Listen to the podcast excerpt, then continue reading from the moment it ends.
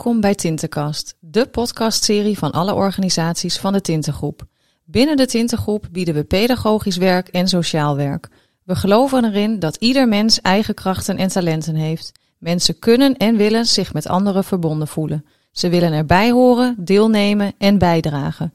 In onze podcast vertellen we hoe we in onze gemeente werken en samenwerken om het verschil te maken voor alle inwoners, met kennis en praktijkervaring, vanuit een gedeelde visie en altijd dichtbij. Hallo, mijn naam is Grietje Pik. Ik werk als gedragswetenschapper bij Tinten. In deze podcastserie wil ik jullie vertellen over bijzondere situaties, dilemma's en ervaringen op ons werk. Verhalen die denk ik de moeite waard zijn om te delen. Vandaag ben ik hier met Bernard Kloostra, de adviseur collectieve dienstverlening. Het is 25 februari. Fijn dat je luistert. Het onderwerp van vandaag is financiële afhankelijkheidsrelaties.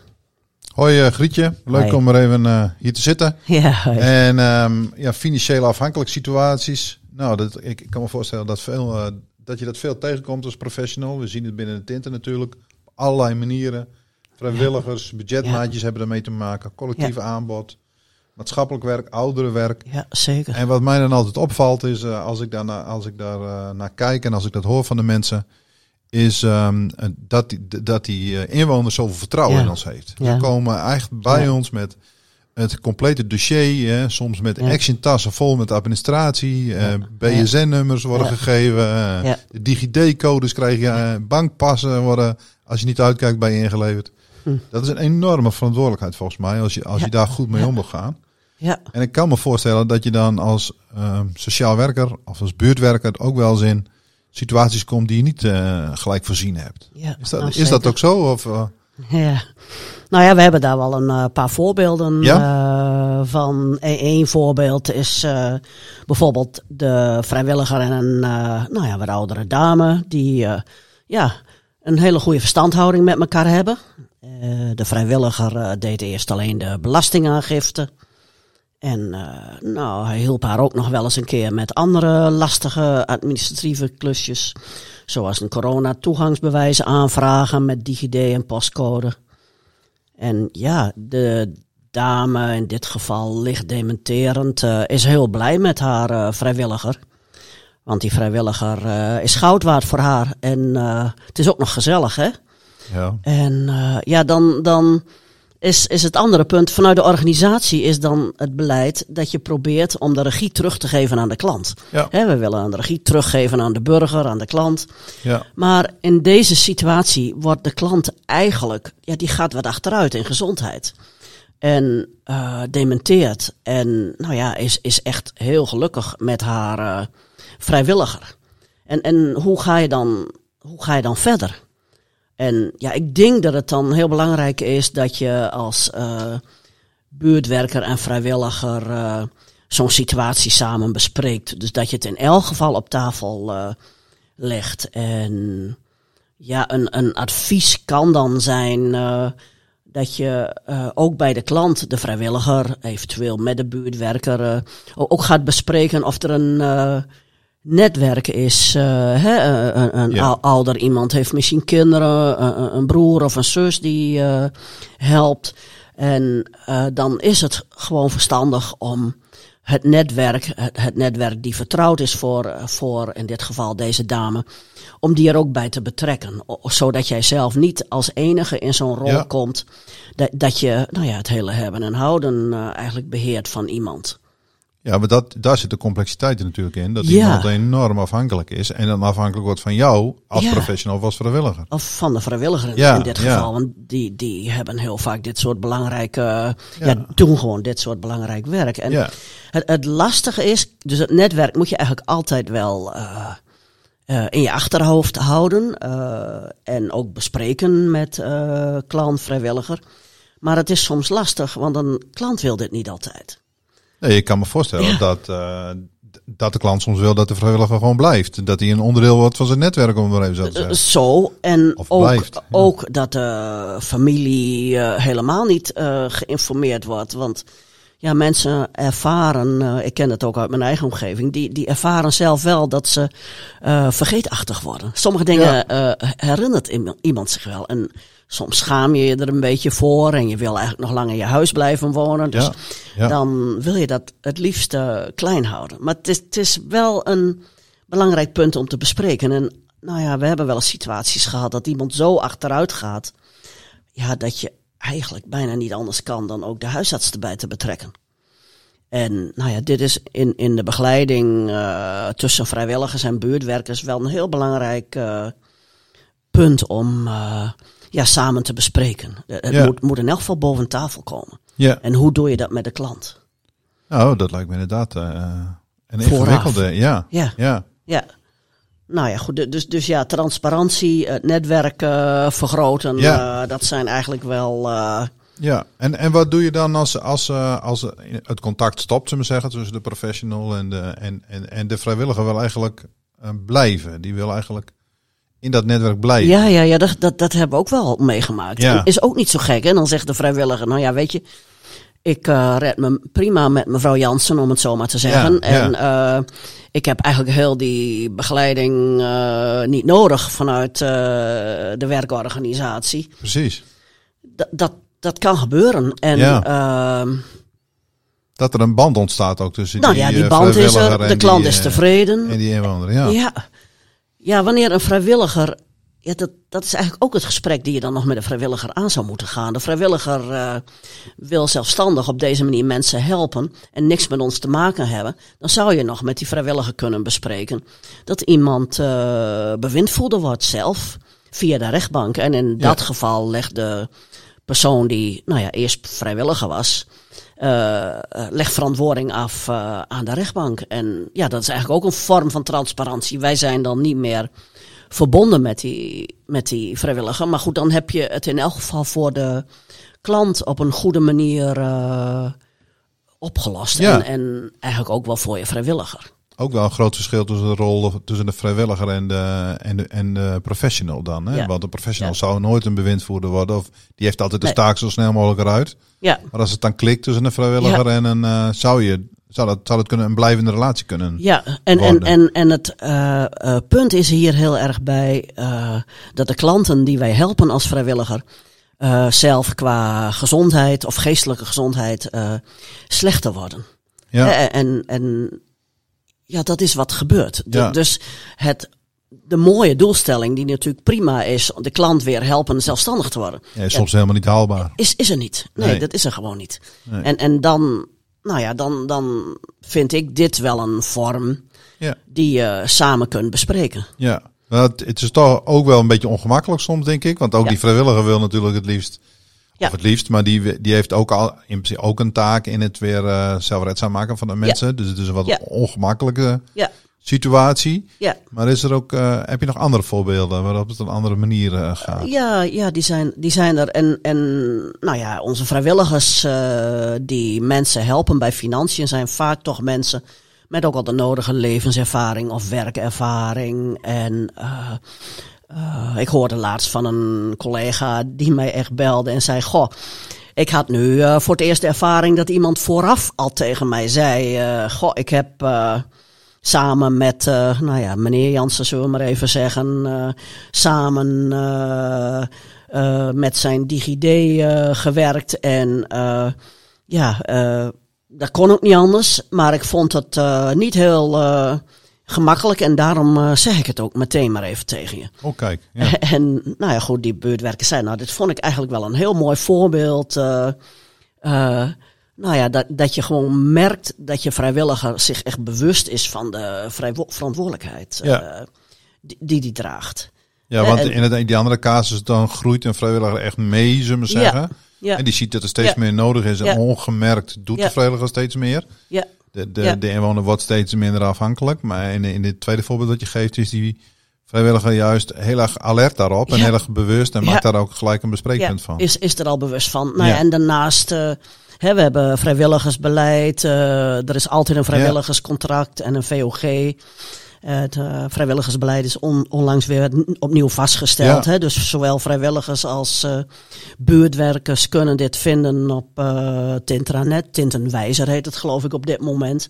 Maar goed, ja, die transparantie is belangrijk. Ja. Maar zelfredzaamheid is lastig, want dat is, altijd, dat is niet altijd de richting waarop het gaat. Ja, en goed om je erop te bedacht te zijn. Ja, dat denk ik ook. Ja, Van beide kanten. Zowel vanuit de vrijwilliger als voor de professional. Ja. En heb je ook wel andere voorbeelden? Loopt het ook wel eens anders? Nou ja, het, het, dit zijn situaties die je nog samen kunt oplossen. Ook al zoek je de oplossing soms buiten de deur. Uh, uh, als het gaat echt om misbruik of, of iets wat ja, waar je zelf geen vinger achter kan krijgen. Dan heb ik nog een voorbeeld van een situatie met een oudere dame die uh, aan haar medisch maatschappelijk werker vertelde dat ze uh, beneden op de bank moest slapen bij haar dochter. En die medisch maatschappelijk werker zei, ja, maar dat kan helemaal niet. Jij uh, moet op een, of u moet op een gewoon bed slapen.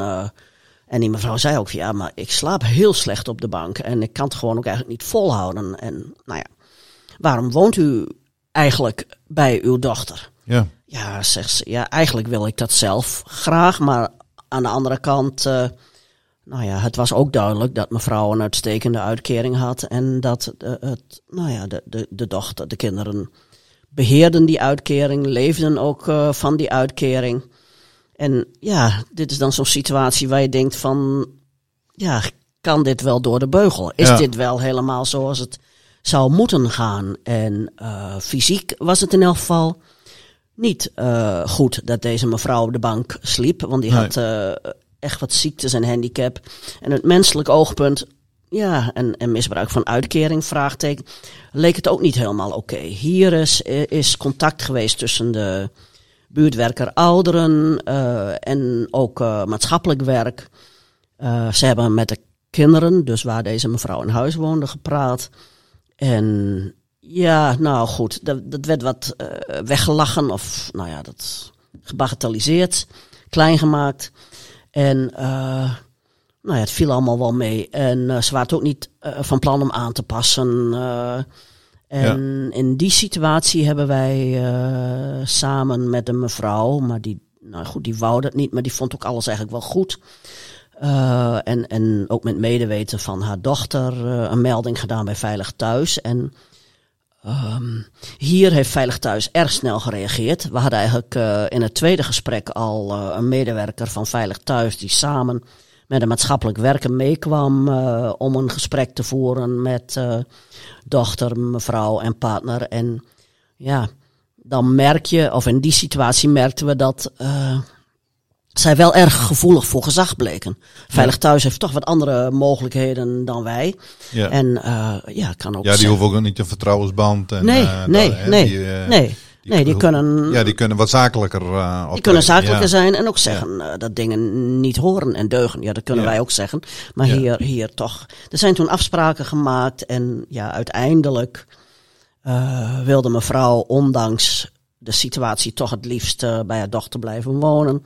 Ik neem aan dat er een uh, bed beneden is gekomen. Ik heb daar niet meer over teruggehoord. Maar we hebben hier wel deze actie van Veilig Thuis yeah. ingezet. En uh, medisch maatschappelijk werk, waar mevrouw, uh, nou zeg maar, een paar keer in de week naartoe moest. En ook het maatschappelijk werk, die hield een vinger aan de pols. En zelf vond ik dit wel een mooi voorbeeld. Hoe je samen met Veilig Thuis en ook voor deze mevrouw, met de vertrouwde mensen om haar heen, toch een soort, in elk geval situatie die je kunt bespreken ja, ja, die niet goed is, lijkt. Uh, en, en waar je ook verbetering hebt aangebracht. Nou, en dat ook, is ook onze rol dan, hè? Ik vind het ook een mooi voorbeeld over uh, dat je alert moet zijn op die financiële afhankelijkheid. Hè? In dit ja. geval is die uh, moeder afhankelijk van haar dochter. Ja. En uh, zij heeft daar natuurlijk zelf ook uh, ja. nou, baat bij, maar kiest daar ook voor. Maar ondertussen is ze ook slachtoffer. Is ook slachtoffer. Ja, ja. en uh, dan daar moet je dus ook, of die financiële afhankelijkheid niet ook wel gelijkwaardig ja. plaatsvindt in een gelijkwaardige relatie. Ja, nou ja, dat, dat is natuurlijk precies het spanningsveld waar je in zit. ja kan, kan me voorstellen dat het ook ingewikkeld is. Eh. Ja. Een goed voorbeeld ook. Want een van de methodes wat je dan kan doen is dus gewoon weer bespreken. Ja. Maar ook uh, eventueel veilig thuis. Eventueel opschalen. En, ja. en veilig thuis is er ook niet lang in geweest. Het was gewoon eigenlijk duidelijk. En uh, het was ook een soort nou ja, schrik-effect. Maar het was gewoon duidelijk hoe het zat. Ja. En de keuzes die gemaakt zijn. En het zijn allemaal volwassen mensen. Dus ja, uiteindelijk uh, bedenk je, bedenken zij dan samen hoe ze het willen. Maar het is wel aan de orde geweest. Ja. Dus dat, ja. Maar ook nog goed van die medische maatschappelijk werker ook dat ze aan de, aan de bel trekt en dit signaleert. Ja, ja, zeker. Zeker hoor. Dat was een goede, goed, goed voorbeeld uh, van samenwerking. Ja en, en het valt dus ook altijd weer te herstellen als het zo ja. Ja. Tenminste, die, die, die moeder blijft daar wonen en het is nu wel een... Uh, het is wel besproken. Ja, Het is wel besproken en uh, nou ja, goed. Voor iedereen helpend geweest. Voor iedereen helpend geweest, ja. Nou, terug naar het thema. Uh, Tinten doet heel veel op het gebied van financiële dienstverlening. Een bepaalde afhankelijkheid uh, is onontkoombaar eigenlijk. en ja. de kern is goede afspraken. Vooraf over ieders rol, transparantie, openheid zijn onmisbaar in die samenwerking tussen de klant, vrijwilliger en buurtwerker. Ja.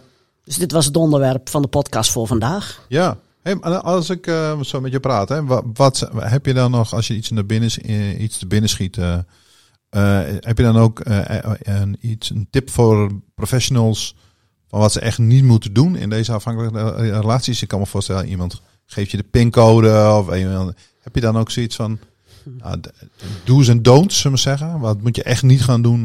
Wat moet je echt niet doen? Uh, nou ja, ik denk dat de professionals dit zelf uh, misschien wel beter weten. Ik hoor wel eens tips als uh, schrijf de pincode of de DigiD-code op een kaartje voor iemand en stop het in de telefoon en zeg neem dit de volgende keer maar mee. Dan bewaar je het in elk geval zelf niet. Ja, ja, ja. ja. Ik heb niet zo uitgesproken do's of don'ts. Nee. Je merkt met name bij financiële hulp en dienstverlening die DigiD-code heb je soms nodig. En ja.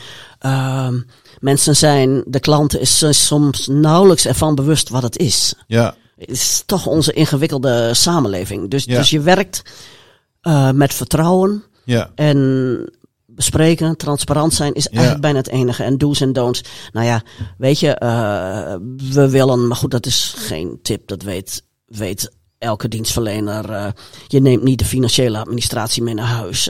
je stopt dat niet in dossiers, maar dat Precies. vind ik te beetje te triviaal bijna om te, om ja, te maar zeggen. Ik, ja, ik kan me voorstellen dat je ook meegroeit in zo'n afhankelijke relatie. En dat je wel zo'n pincode bewaart of zo'n DigiD bewaart, omdat het heel makkelijk is. Maar ja, dat moet je dus eigenlijk helemaal niet, nou. niet aan beginnen. Laat het bij die mensen. Als probeer ik dat zo te doen. Uh, probeer dat zo te doen. Maar goed, uh, wat ik vooral wil benadrukken is, uh, hou het open in de begeleiding en hou het open. En, en kom soms in actie uh, wanneer dat nodig is. Ja, heel goed. Dat is eigenlijk de kern. Eh, ja, mooi. Van de podcast van vandaag. Nou, hartstikke mooi. Dankjewel maar weer. Graag gedaan. Uh, bedankt voor het luisteren. Ja. het zou fijn zijn wanneer je ons ook laat weten wat je ervan vindt. Suggesties hebt voor een ander onderwerp. Misschien wil je zelf hier wel eens een onderwerp bespreken. De podcast van de volgende keer gaat over huiselijk geweld en ervaringsdeskundigheid. Bedankt voor het luisteren naar deze podcast, gemaakt door en met medewerkers van de Tintengroep. We hopen dat je erdoor geïnspireerd bent en nodigen je uit om ons kanaal te blijven volgen.